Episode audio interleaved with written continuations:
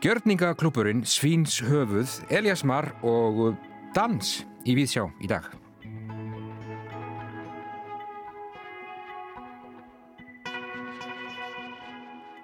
Við ætlum í heimsókn í listasafn Íslands og við ætlum að ræða þar við Gjörningaklúpin meðlemi hans um síninguna Vatn og blóð sem að opnum verður í safninu á lögardag.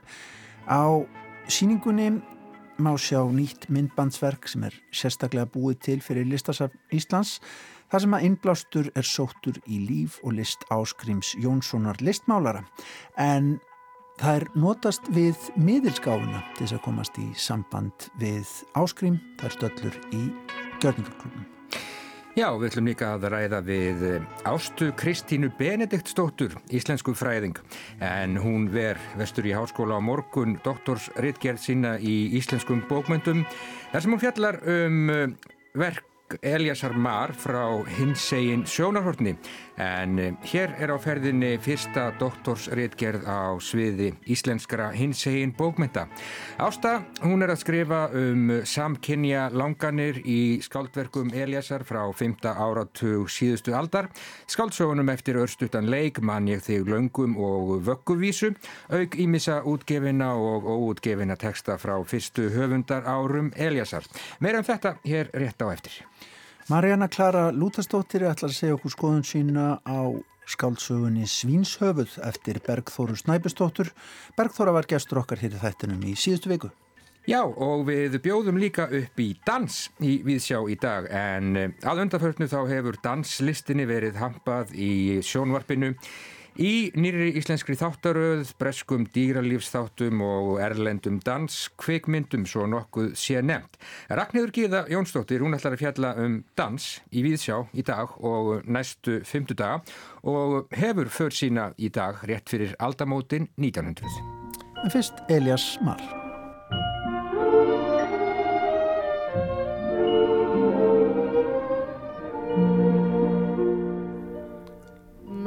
Skáldsagan Vakkuvísa Brot úr ævintýri. Viðlag.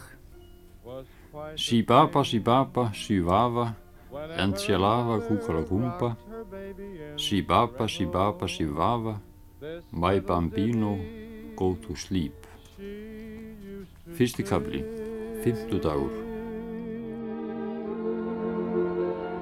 fymtu dagur Chababa, chababa, chihuahua, Angelawa, kukalagumba. Chababa, chababa, chihuahua, my bambino go to sleep. Á morgun þá fer fram doktorsvörn við Íslensku og menningardild Háskóla Íslands og School of English Drama and Film við University College í Dublin. Þá ver Ásta Kristín Benediktsdóttir doktorsritgerð sína í íslenskum bókmyndum sem nefnist Facing the Heartbeat of the World, Elias Marr, Queer Performativity and Queer Modernism. Vörnin fer fram í stofu númer 132 í Öskju og hefst klukkan 13. Já, Andspænis hjartslætti tilverunar í réttgerðinni sem er fyrsta doktorsréttgerðin á sviði íslenskara hinsegin bókmynda er fjallað um réttöfundin Elias Marr og samkynja langanir í skáldverkum hans Frá 5. áratug 20. aldar skáldsögunum eftir örstutan leik frá árinu 1946 man ég þig löngum frá árinu 1949 og vögguvísu sem kom út árið 1950. Auk ímissa útgefina og óútgefina teksta frá fyrstu höfundar árum Eliasar. Verkin eru greint frá hinsegin sjónarhortni og sett í sögulegt samhengi, auk þess sem þau eru nótuð til að varpa ljósi á líf Eliasar sem tví kynneðs rituðundar á þessum árum. Og þarna eru færð raug fyrir því að rétun og útgáfa bókana hafi haft veruleg áhrif á mótun sjálfsmyndar Eliasar og að í augum hans og sögupersona hans hafi listræn reynsla og tjáning verið mikilvægur hluti af því að vera hins einn. Hluti af réttgerðinni er söguleg rannsókn á því hvernig kynvilla eða samkynneið varð hluti af Opinberri orðræðu á Íslandi á fyrir hluta 20. aldar og hver hlutur Eliasar var í því ferli. Hann lagði á sínum tíma mikla áherslu á að skrifa aktúelar bækur sem tækjust á virkanhátt á við samtíman og Í rittgerðinni er því haldið fram að líta megi á þetta viðhorf og byrtingarmyndir þess í verkonum sem hinsegin móternisma. Viðbragð Eliasar við því að vera í kynferðislegri jæðarstöðu á Íslandi um miðja 20. stöld.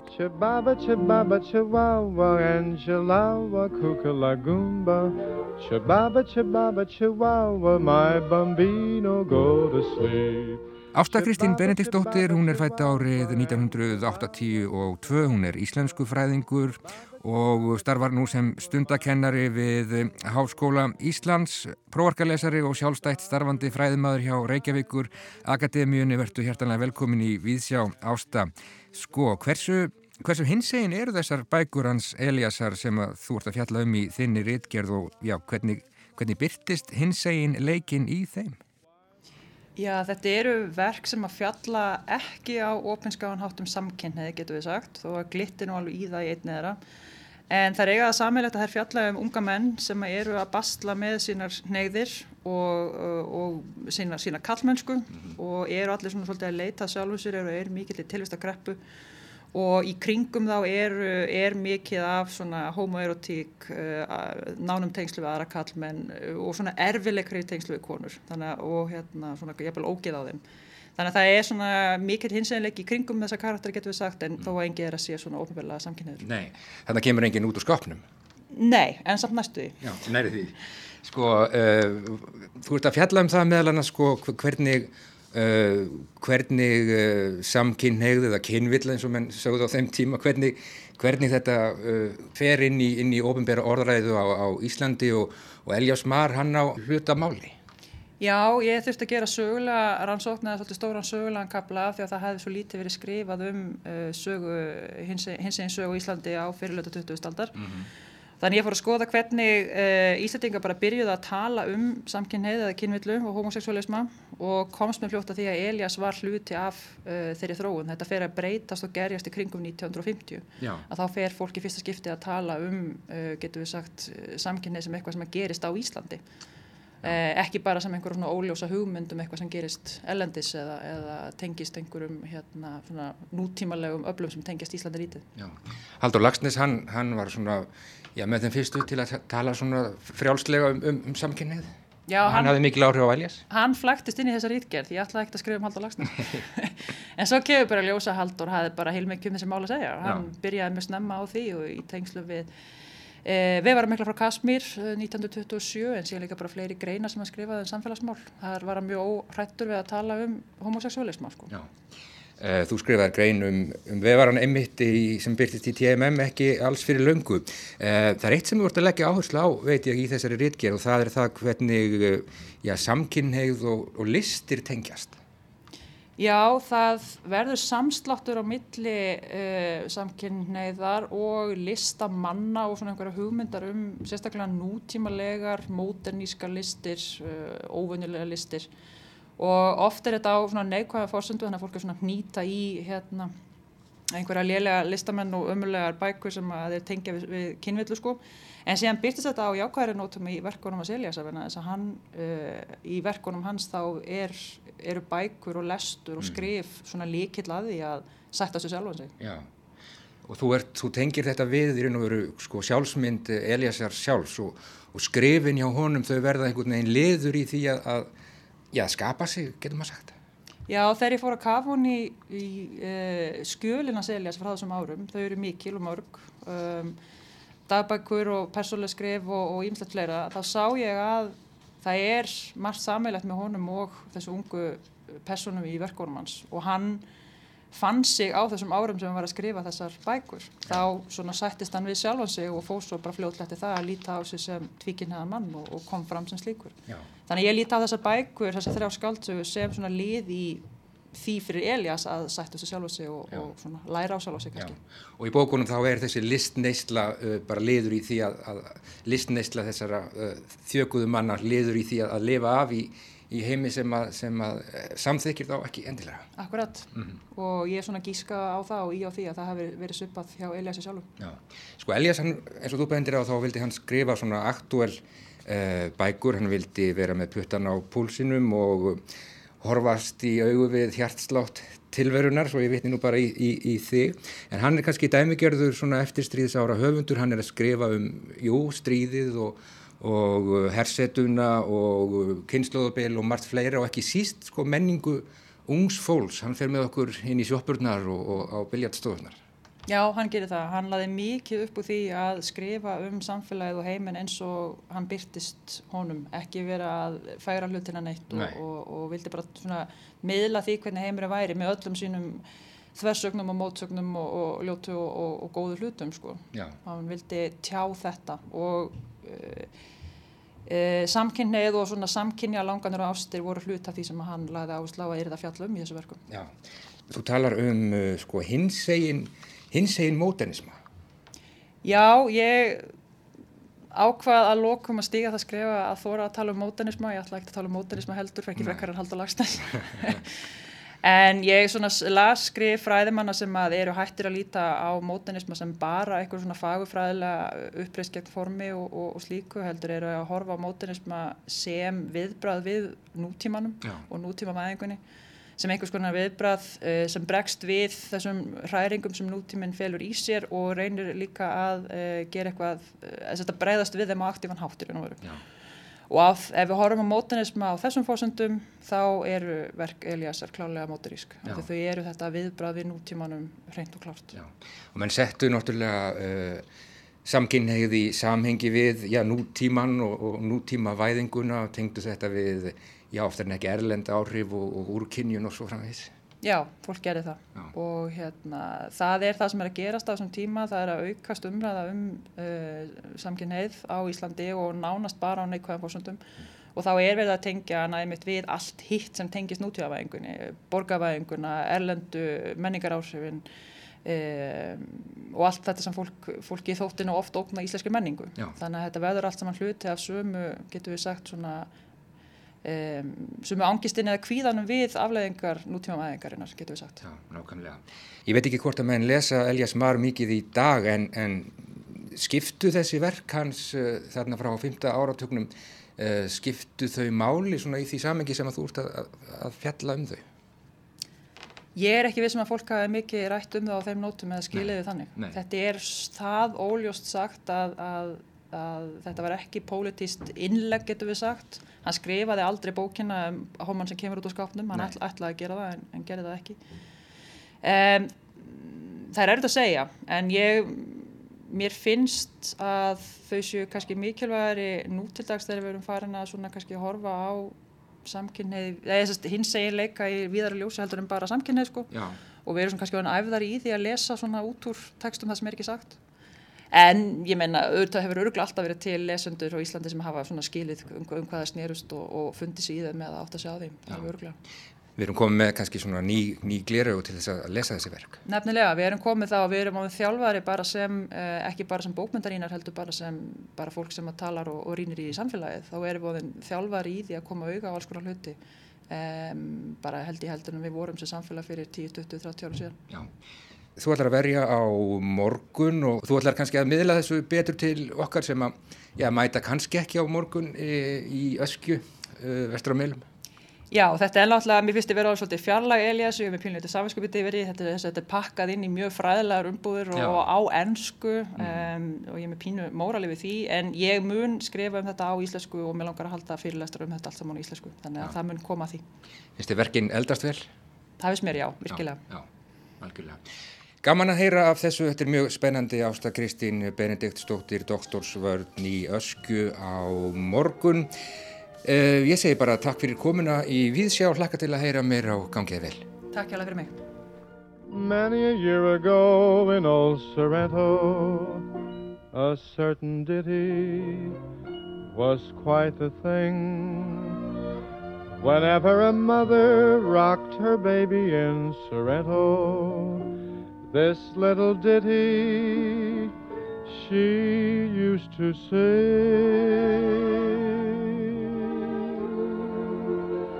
Chibaba, chibaba, chihuahua, Angelawa, kukalagumba. Chibaba, chibaba, chihuahua, my bambino, go to sleep. Chibaba, chibaba, chihuahua, Angelawa, kukalagumba. Chibaba, chibaba, chihuahua, my bambino, go to sleep. All the stars are in the skies, ready to say good night. Can't you see your doll is sleepy too?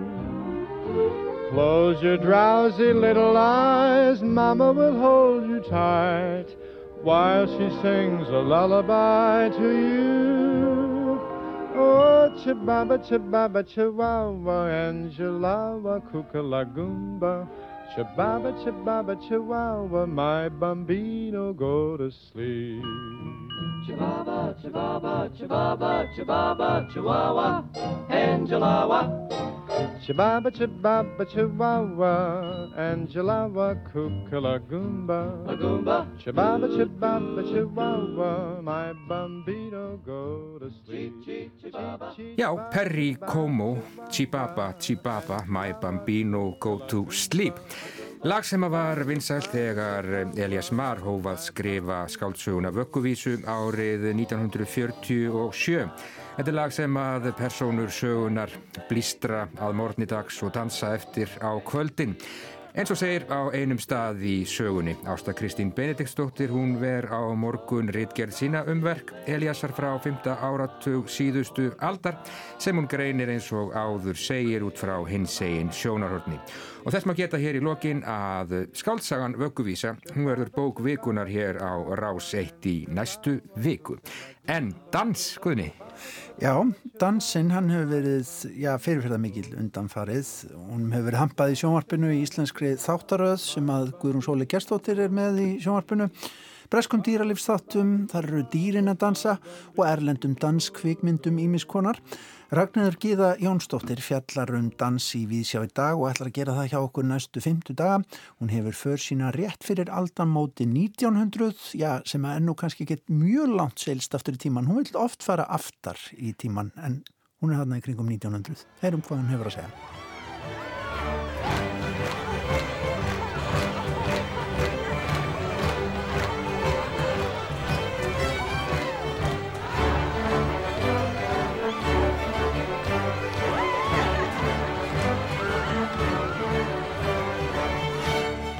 Mikið er þetta indæl skemmtun fyrir ungt fólk darsi.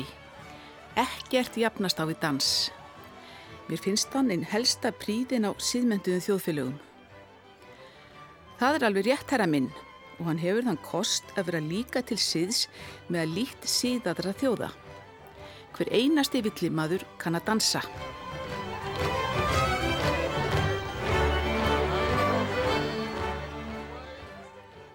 Samtal þetta úr skáltsugunni Róka og Leipidómum eftir Jane Austen í þýðingu Silju Aðarsteinsdóttur segir margar sögur í senn hlustendur góðir. Í eins konar félagsheimili í Hartford skýri á Englandi snemma á 19. öld er ráðsettur sveitaherran Sir William Lucas ljómandi ánæður þegar hann virðir ungmenni sveitar hannar fyrir sér stiga dans við íska tóna í galsa og gleði. Moldríkur óðalsherra úr annari sveit, Fitzwilliam Darcy, kominn á lagt þrítugu, greintur, hávaksinn, myndarlegur, stútfullur af hróka og stýpni, er hins vegar nokkur nexlaður.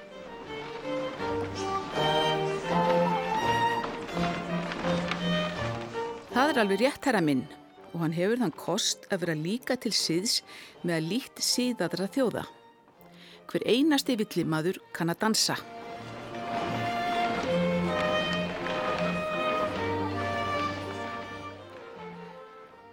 Darcy er bara til síns tíma og sinnar hástjættar, gerir skýran greinarmun á síðuðum þjóðum og villimennum. Hann er vandur stífar í dönsum efri stjætta samfélagsins á Englandi, sterti menna af öllum kynjum sem snertast alla í sínum ströngu dansbórum. Gleðihopp lægri stjætta ungmenna í Hartford skýri telur hann ekki vil hæfi. Að hans mati er dans einn helsta príði efri stjættana en lagri stjættir stíga óhamin og óagaðan dans. Hver einasti villimaður kann að dansa. Skiptir mannkynni í síðaðar þjóðir og villimenn, síðuðum þjóðum í efri og lagri villimannlegri stjættir. Enda næstum hálföld þanga til rít Darvins um uppruna tegundana kemur út og verður ekki beinlýnist tekið þegjandi og hljóða laust. Nú, á fyrirluta 21. aldar okkar tímatals, segja flesti sennilega að mannkinn allt. Hver sem vettlingi geti valdið og hvar í heiminum sem er, geti með dansi, þjáð alla líti síns tilfinningaskala, læðum dansi, þjálfuðum, öguðum eða alfrjálsum. Því aðstæður allar í samfélagin hafa áhrif á danslist og þróun hennar.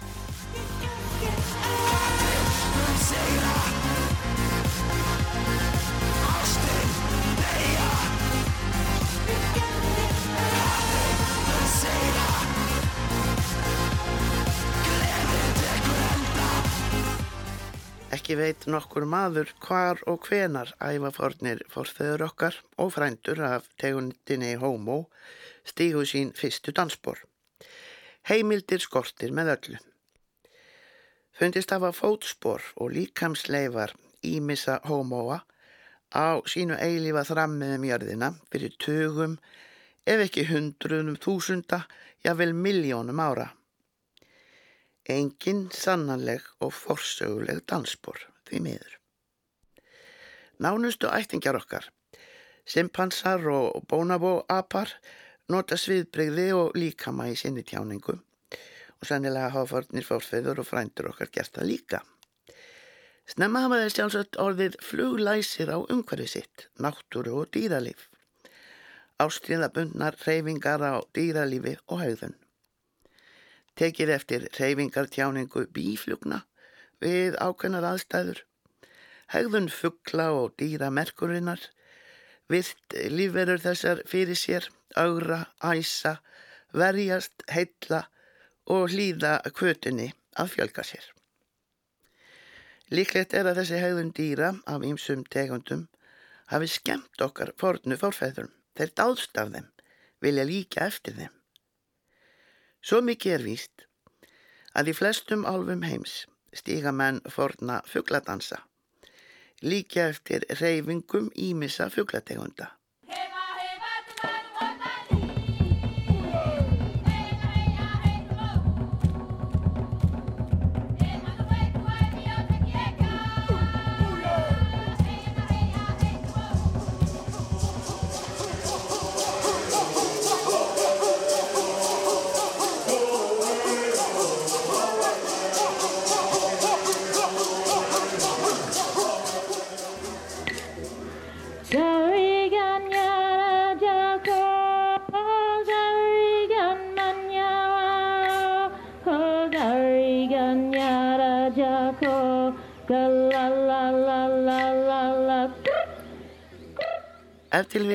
Einhverju þeirra Íslendinga sem slegt hafa sólina í Antalya á Tyrklandi sunnanverðu gerð sér ferð til Tjatal Hújúk í Anatólíu.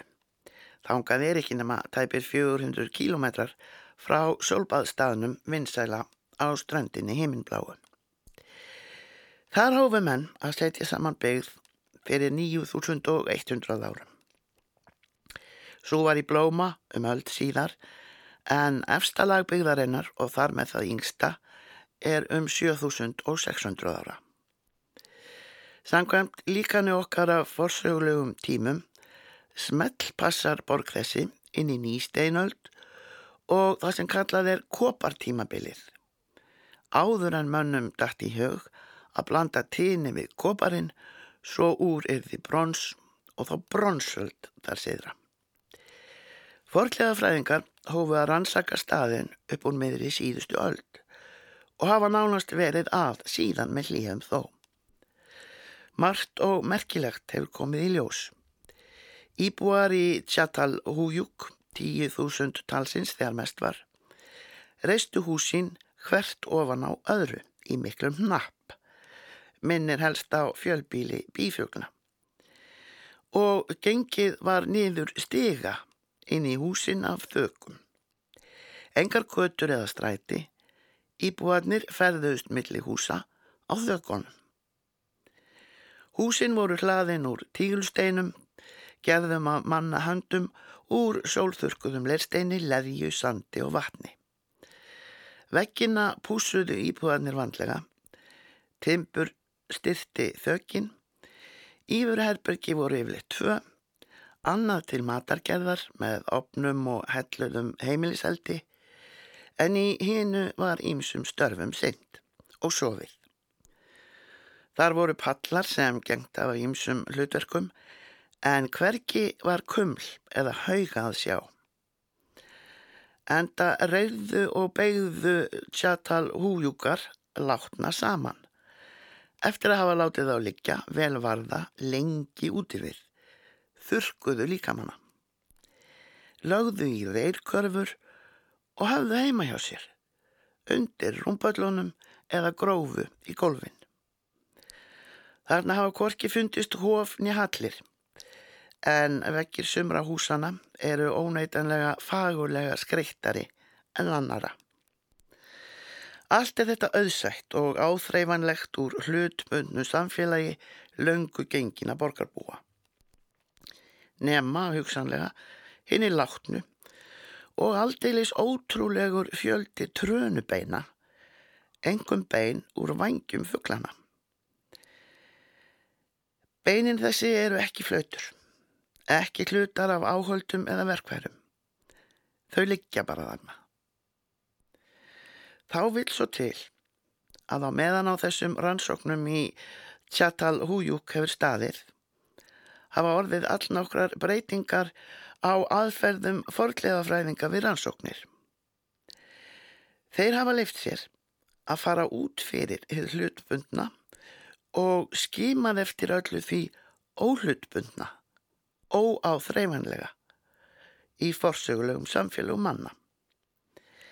Þeir vita og að víða í þessum okkar heimi eru fuggladansar, ekki síst trönudansar, í hávegum hafðir meðal frumbyggja og svo kallara lengra komina. Þeir sérfræðingarnir í æfafornu byggðinni í Anatólíu hafa því voga sér að draga þá álíktun af öllum þessum trönubeinum að þar hafi menn stíð trönudansa, oft, íðulega og í stór hópum þeirra sem á annað borð gáttu stíð í fæturna. Eins og ænu fólkið, afkomendur frumbyggja Hokkaido, Sjakalín og Kúrilega gera henn.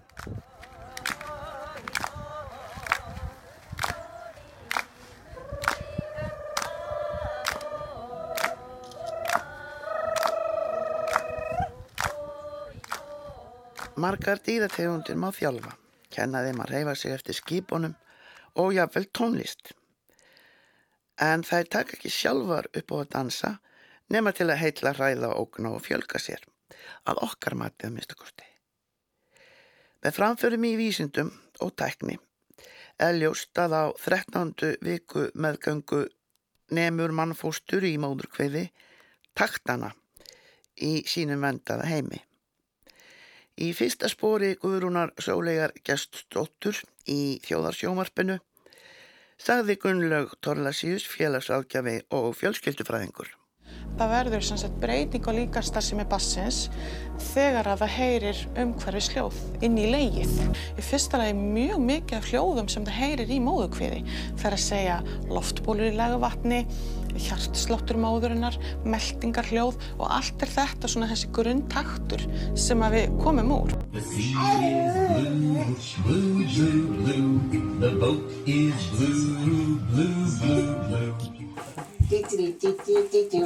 Do do do. Bathtub dance. Bathtub dance. Da da da.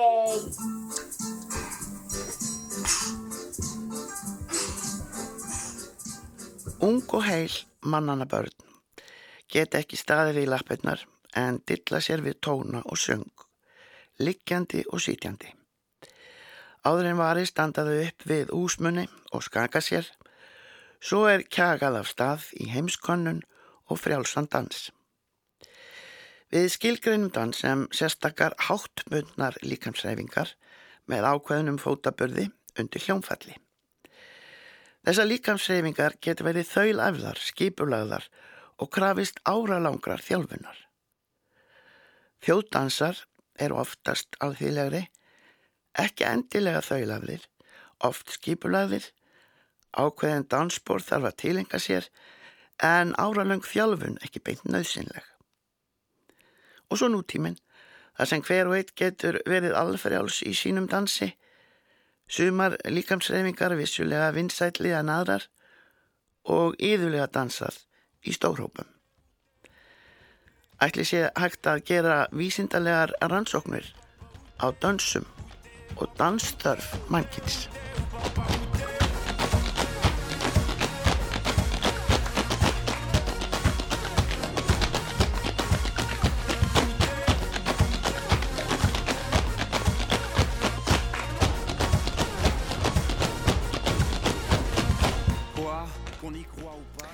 Já, ég held að það sé bara alltaf verða vittlaust hérna í hljóðstofinni. Franskur steppdans í bóði Ragnheðar Gíðu Jónsdóttur. Hún fjallaði um danslistina og ætlar að gera næstu fymtudaga hér hjá okkur í Viðsjá og heldur dansstúdíu sinni áfram að viku liðinni. Og við dansum með, heldur betur. En Þá vikur sögunni að bókmyndum aftur. Marjana Klara Lútersdóttir hefur verið að lesa skaldsöguna Svínsöfuð eftir Bergþóru Snæbjörnsdóttur og segir okkur núna af lestrinum. Svínsöfuð er fyrsta skaldsaga Bergþóru Snæbjörnsdóttur en hún vakti töluverða aðtegli fyrir ljóðabók sína Flórida sem kom út árið 2017 og var tilnæmt til Íslensku bókmyndavelinana. Áður hafði komið út eftir hennar ljóðabókin Dalún dagar árið 2011 og tekstasafnið Dagar undrabarsins eru á enda árið 2013. Þótt svínshöfuð sé frumraun verður seint sagt að það sé byrjandabraga að finna á þessari margslungnu og átakanlegu sögu og raunar ekki annað að sjá en að Bergþóra stökku hér fram sem fullskapaður skaldsagnahöfundur. Þótt bæði formið og stílinn séu gjör ólík, kallar svinshöfuð fram ákveðin hugrenningatengsl við skáldsögu Kristínar Eiríksdóttur Kvítfeld.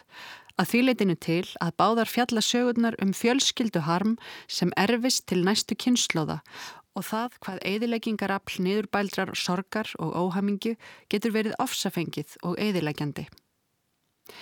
Þetta er fjölskyldu saga sem gerist á nokkrum tímaskeiðum og í tveimur löndum Aðalpersonan Svinshöfuð er í upphafi bókar fatlað yngsta barn kvotbænda á lítilli eigu í breyðafyrði upp úr 1930.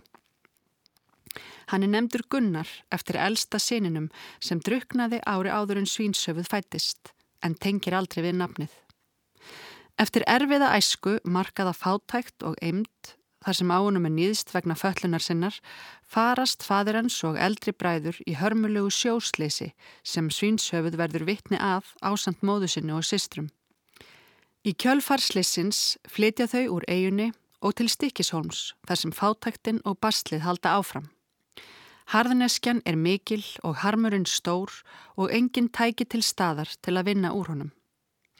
Móðurinn elskar svinshöfuð en hann er afskiptur af samfélaginu og alltaf utangarðs. Sisturnar flytja að heiman og síðar deyr móðurinn og svinshöfuð stendur einn eftir. Á nýjunda áratögnum þegar hann er tæplega 60 ákveður hann að panta sér eiginkonu frá Kína. Til landsins koma svo ung kona sem tekur upp nafni Marja og sonur hennar sem er nefndur Gunnar. Þessi fyrsti hluti sögunar er sagður í nokkus konar endurliti svinshöfuðs á nýræðis aldri eftir að Marja er látin og Gunnar, yfirleitt kallaður Strákurinn, leikur á sjúkrahúsi í dái eftir skjálfilega atbyrði sem ekki eru tíundaður í þessum hluta sögunar. Annar hluti bókarinnar segir frá Helenu, ungri tvekja barnamóður sem er barnabarn sýstur svinshöfuðs. Hennar saga er sömuleiðis daburleg, móðurinn yfirgafana og skildi eftir sig mikið tómarum sem Helena hefur reynt að fylla með ýmsum leiðum. Hún er nú gift velstæðu manni og býr í afskaplega glæsilegu húsi en skjálfilegar hugsanir leita sífælt á hana og undir aldan verður æð þingri. Í síðasta hluta sögunar fáum við loks insýn í líf stráksins, Gunnars, og, þó í minnamæli sé, móður hans. Saga þeirra er ekki auðveld lesning en um leið mögnuð sín inn í aðstæður og líf sem Kastljós er sjaldan varpað á, þrátt fyrir að innflytjendur séu stór hluti þjóðarinnar. Þetta er þó alls ekki einhver almenn umfjöllun um innflytjendur, síður en svo. Hér er sögð afgerandi og sérstök saga einstaklings, rétt eins og saga svinsöðu sjálfs. Það er í þessum loka hlutabókarinnar sem heinar sögurnar koma saman og eru að lokum leittar til lykta. Á yfirborðinu mætti segja að hér væri sögð saga fjölskyldu þar sem eiginkonan er pöntuð frá Kína og giftist sér miklu eldri manni. Hjónaband sem nýtur almennt lítillar virðingar í samfélaginu og er oft fyrirlitið. Hér væri auðvelt að skapa einföld íllmenni og fornalömp en svo er ekki raunin. Til þess hefur Bergþóra of djúpan skilning á mannlegu eðli og of mikla samúð með óhamingju persóna sinna. Í viðtali við viðsjá talar hún um að okkur hætti til að flokka fólk sem annarkvort gerendur eða þólendur en hins vegar leynist oftar en ekki bæði gerandi og þólandi innra með okkur öllum. Gamall og ljótur kall panta sér unga konu frá Kína sem hann læti svo stjana við sig. En breytan hér er að áður en að því augnabliki kemur hefur lesandin fyllt manninum í tæp 60 ár. Það er auðvelt að hata gamla skapstika karlinn en það er erfitt að hafa ekki samú með fatlaða barninu sem hann einu sinni var. Að sama skapi er ómögulegt annað en að hafa samúð með brúðinni frá Kína sem aldrei næra að verða sá hluti af samfélaginu á stikkishólmi sem hún þráir en um leið er saga hennar flóknari en svo að hægt sé að stimplana engungu sem fórnalamp. Þó að auðvitað beri allir ábyrð á eigin gjörðum verða orsök og afleiðing svo skýr þegar hlutirnir eru settir í stærra samhengi og manneskjur eru að einhverju leiti niður staða erða og umhverfis eins og verður skýrt í frásögninni. Svinsöfuð og sískinni hans erðu því þá byrði sem ofsafengið tilfinningarlíf móður þeirra var, samhliða þungbæri og lamandi þögn föðurfjölskyldunar. Tilfinningar sískinana brutust fram sem ofbeldi í garð hinna. Það var eina tilfinningaútrásinn sem ekki þótti skammarleg. Harðræði áföll og bæling sársöka sem enginn horfist í augu við verða grunnurinn sem fjölskyldan reysir lífsitt á. Saga stráksins og örlög hans verða svo aftur eins og niðurstaða allrar undangenginar óhamingu og ljóst er að eitthvað mun undan láta. Bergþóra dregur upp ólíkar myndir, þjáning manna er misjöfn og afleiðingar hennar enn misjöfnari. Vopnabúr fólks eru einnig ólík sem og varnarkerfi þeirra. Skaðin sem er unnin með því þegar barn er yfirgefið getur verið sambærilegur við þann sem hlýst af ofbeldi. Þögn og öskur eru eitur úr sömu flösku og geta eðilagt jafn mikið. Bergþóru tekst það afreg að láta okkur fyllast reyði gagvart personunum og gjörðum þeirra án þess þó að við glötum samúðinu með þeim. Það er mögulegt að fordæma gjörðir fólks án þess að fordæma manneskjöldna sjálfar. Personurnar eru svo skjálfilega mannlegar og briskar að stundum er hreinlega erfitt að líti ekki undan. Þetta er líkamleg bók og runnsægisleg, jafnvel rá á köplum. Hún hefst með óþægindum, svita og þvægi og henni líkur á loðunum karlmannshöndum í vatni. Laung hárin bærast eins og vangir. Mannslíkaminn er í senn fyrirferðamikill og viðkvæmur. Sár myndast, vessar renna, matur fyrir inn, úrgangur fyrir niður og stundum upp. Búkurinn allur engistum af kvölum og óþægindum, stökusinnum af unaði, á meðan vanmáttugar personurnar berjast við að marka sér svæði, finna sér samastað í samfélagi sem ítir út á jæðarinn öllum sem ekki falla að norminu. Bergþóra nær lista vel að sína hvernig samanleg þrá manneskunar eftir hlýju, ást og viðurkenningu snýst upp í andkverfi sína þegar hún mætir sífældum skellum. Já, Marjana Klara Lútersdóttir Harlaglöð með skáldsöguna Svinshöfuð eftir Bergþóru Snæbjörnsdóttur sem var gestur okkar hér í Víðsjá fyrir rúmri viku síðan. En uh, þá myndlist, Gunni?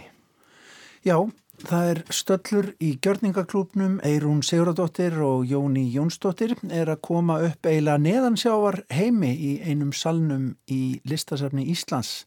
En síningin Vatn og blóð undir miklum áhrifum frá áskrými Jónssoni málara verður opnuð þar í safninu á lögadæn.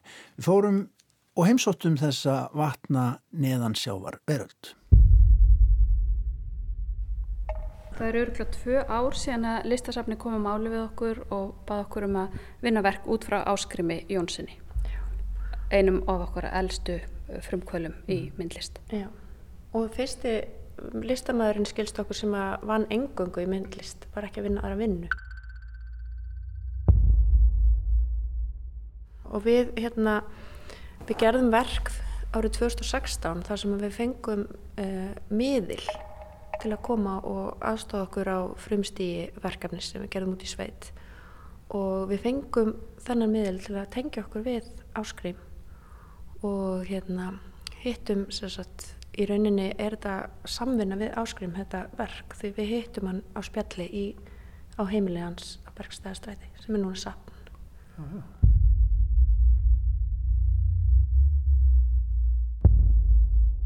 Það er kannski rétt að taka fram, þetta er reyndar smá útidúr, en það er svo margir sem að rugglast þegar maður er að tala um Áskrím og halda maður sér að tala um Ásmund Sveinsson. Við erum ekki að tala um hann, við erum að tala um Áskrím Jónsson. Já, Málaran. Málaran. Já. Og hans stúdjó og, og húsnæði er á Bergstæðastræti 74 sem er, er núna sapn. Og hlutalistasafn Íslands. Algjörlega. Og þar komum við, hittum við sem sagt miðil. Mm. Það er að segja, hún, við hittum hann í gegnum annan miðil því við facetimeðum uh, við miðilinn sem var annars þar og hún hafði verið að undirbúa sig kvöldin áður þá vissi hún hún væri að fara að spjalla við okkur. Hún vissi ekkert hvar við myndum vera eða um hvað það snerist en það kom ungu drengur til hennar strax kvöldin áður og var mjög spenntur fyrir þessum fundi. Þannig að það er nótuð ímistækni. Já, allir miðlar. Þetta er svona miðil sem að við erum búin að vera svona að spá í að nota meira og við kallum þetta miðil miðil.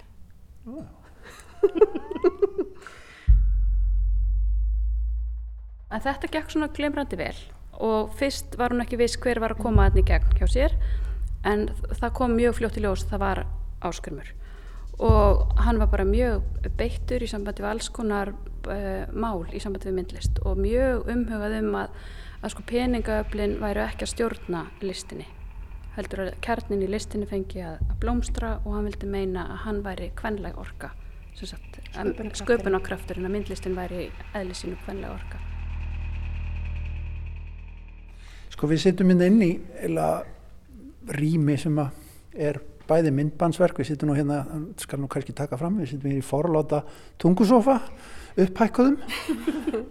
Og hérna, og hér er þetta myndband fyrir framann okkur sem að kannski, já getur líst í kannski fyrir áhörundur í, í myndlausum miðli að hvað fer fram? Já, eftir að hafa talað við áskrím að þá einhvern veginn uh, fór svona hugmyndavinnan í rauninni í þá átt að fjalla svolítið um líf lista, hvað það er að vera listamæður. Því hann talaði svolítið mikið um það þegar við hittum hann. Og við svona, já, svona fyrir okkur er það svolítið samvinnan og um, já, miðlarnir, uh, orkan. Já, maður segir þetta sé óður til sköpunarkraftsins, innsægisins og náttúrunar. og hann vann mjög mikið með hérna, sagt, gerð, frægur fyrir vasslítamyndina sínar. Og það er líka gaman frá því að segja að hann vasslítaði mjög mikið hérna, úr sveitunum okkar. Hann málaði mikið skíðadalinn þar sem ég, ég eh, er frá. Já, og ég hef verið mjög, mjög mikið hjá höfni hotnafyrðu og það er alveg stórkostlega varslitamindir þaðan. Þannig við Jóni tengjum við þessi verkans sérstaklega frá því að við erum bara litlar. Og, og ég held að þessar varslitamindir áskrims hafa verið svona eina ástæðan fyrir að, þú veist, ég heillaðist að myndlist. Og svo eru við búin að undarfara að vinna líka mjög mikið við, uh, með vatnið þar að segja uh, bara hugmyndina um uh, um þessa orku, þessa auðlind sem að þetta er svona dýrmættasti vögvi jarðarinnar og, og svo mikilvægur og við höfum verið svolítið að fjalla um það í okkar verkum Já, á pólitískan hátt. við erum kannski svolítið pínu svona sendiherrar vassins í, í myndlistinni núna Já. Vatnið, vatnið þarf sína sendiherra, það er Já. alveg ljóst. Já. En þeir eru runni að leika með þetta gamla og nýja, maður sér að þetta er upp á baðstólofti og þetta er eða upp, á, upp, á, upp í rjáfri og, og, og það er verið að líka að, að hérna, nota nýjastu tækni og allt mögulegt, þetta er allt í bland Já, þarna erum við einmitt á Eirabakka, núna það sem við erum að horfa á í myndbandinu og þarna var áskrimi sem ungu drengur, akkurat í lág í þessu rúmi hérna og þarna kynntist hann því nýjasta frá Kaupmannahöfn, sem menningunni sem við erum í rauninni sprottin frá af miklu leiti, ha, svona hámenning þess tíma átti sér stað í húsinu á Eirabakka þar sem hann var vikapildur. Og þarna fekk hann sína fyrstu liti gefins. Vassliti. Þannig að hérna, það var svona mikil dýrmæti fyrir hann. Og svo er hann alltaf, að því er hún að tala líka á svona menningar slóðir, það, má, það er hérna vísun í, mm, hérna, í skaganmálverkið sko. Þannig sem við erum hérna að ganga eftir ströndinni með svona uh, ferðartöskur. Hérna, það, kannski þekkir, þú það kannski þekkir þetta guðinni. Skaganmálverkinu. Já, jú, jú, akkurat. En það er sem sagt alls konar vísanir og auðvitað er sko áskilmur alltaf miðlagur, hann er bara ykkar samstags aðli. Já. Á vissan hátt. Já, við sækjum svona, hann er svona hluti af kveikjunni í, í ferlinu en svo förum við auðvitað okkar eigin leiðir og einmitt ef við hittum hann á miðilsfundunum að því að hann var svo ákveðin um margar hluti þá spurðum við hann hvort hann vildi leggja okkur einhverja línur eða vera með einhverja hugmyndir um þetta verk sem við værim að fara að gera og hann sagði bara við ættum að vera trúar sjálf um okkur. Það var eina sem hann vildi að við myndum vera.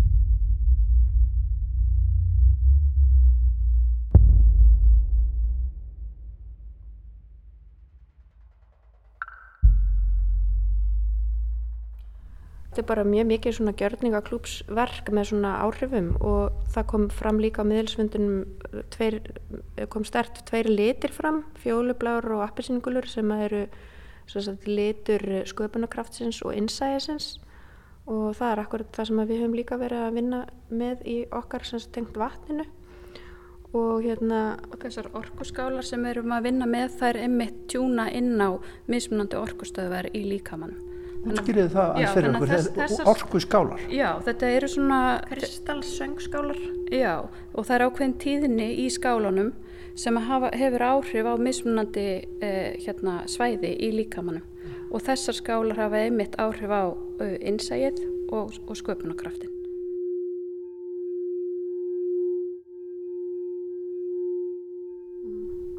Og svo bregður auðvitað fyrir líka í vídjónu bara svona kynjaverum og, og svona um, já, hans kannski áhrifavöldum úr náttúrunni Hann er sko fyrsti Íslandingurinn til þess að teikna tröllskessur og huldufólk.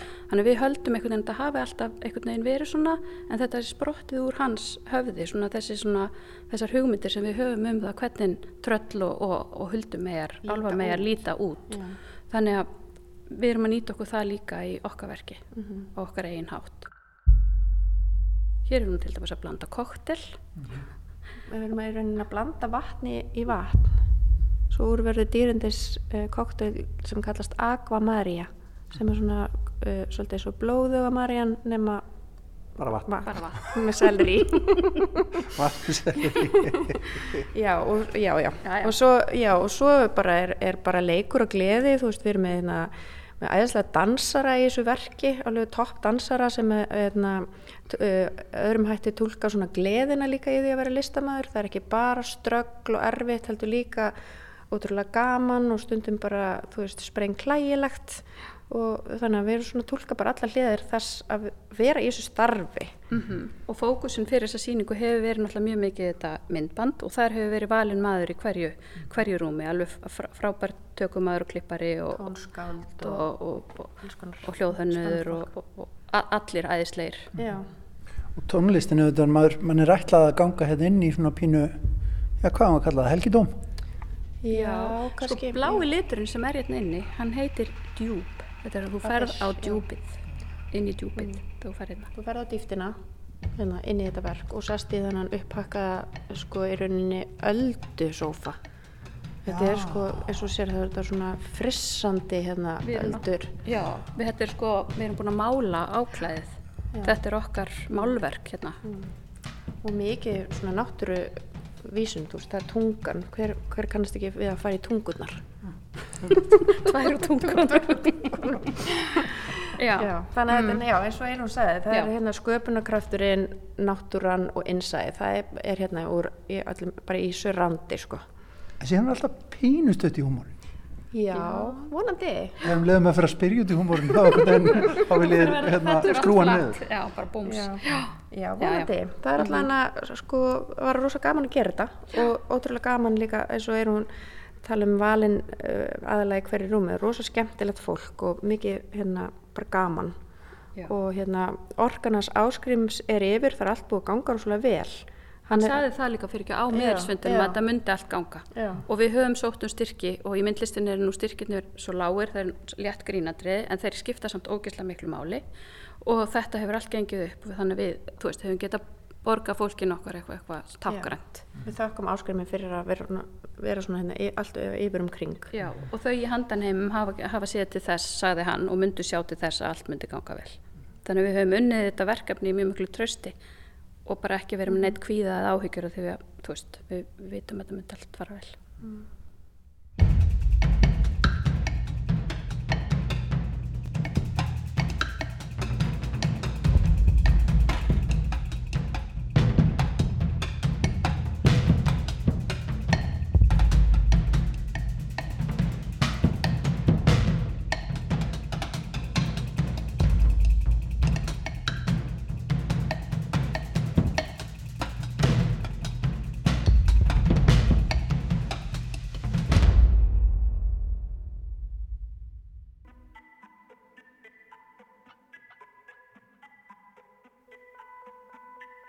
Já, þarna dvöldum við um stund í hljóðheiminum í verkinu Vatn og blóð sem að gjörningaklúburinn Eirún Sigurðardóttir og Jóni Jónsdóttir verða með frá með laugardeginum í listasafni Íslands. Já, og lítur bara nokkuð vel út, er ekki? Jú, mjög spennandi innsetning og örgulega daldið dálegandi að sita þarna, ég held að verki sé eitthvað 20 og eitthvað mínútur í lengd og maður svona lætur sér fljóta bara í þessari veröld. Hljómar ljómandi vel. En uh, þetta er búið hjá okkur í dag. Við verðum hér aftur á þriðju dag en uh, minnum á úrval úr viðsjár þáttum vikunar hér á ráseitt klukkan 2 á sunnudag. Verið sæl.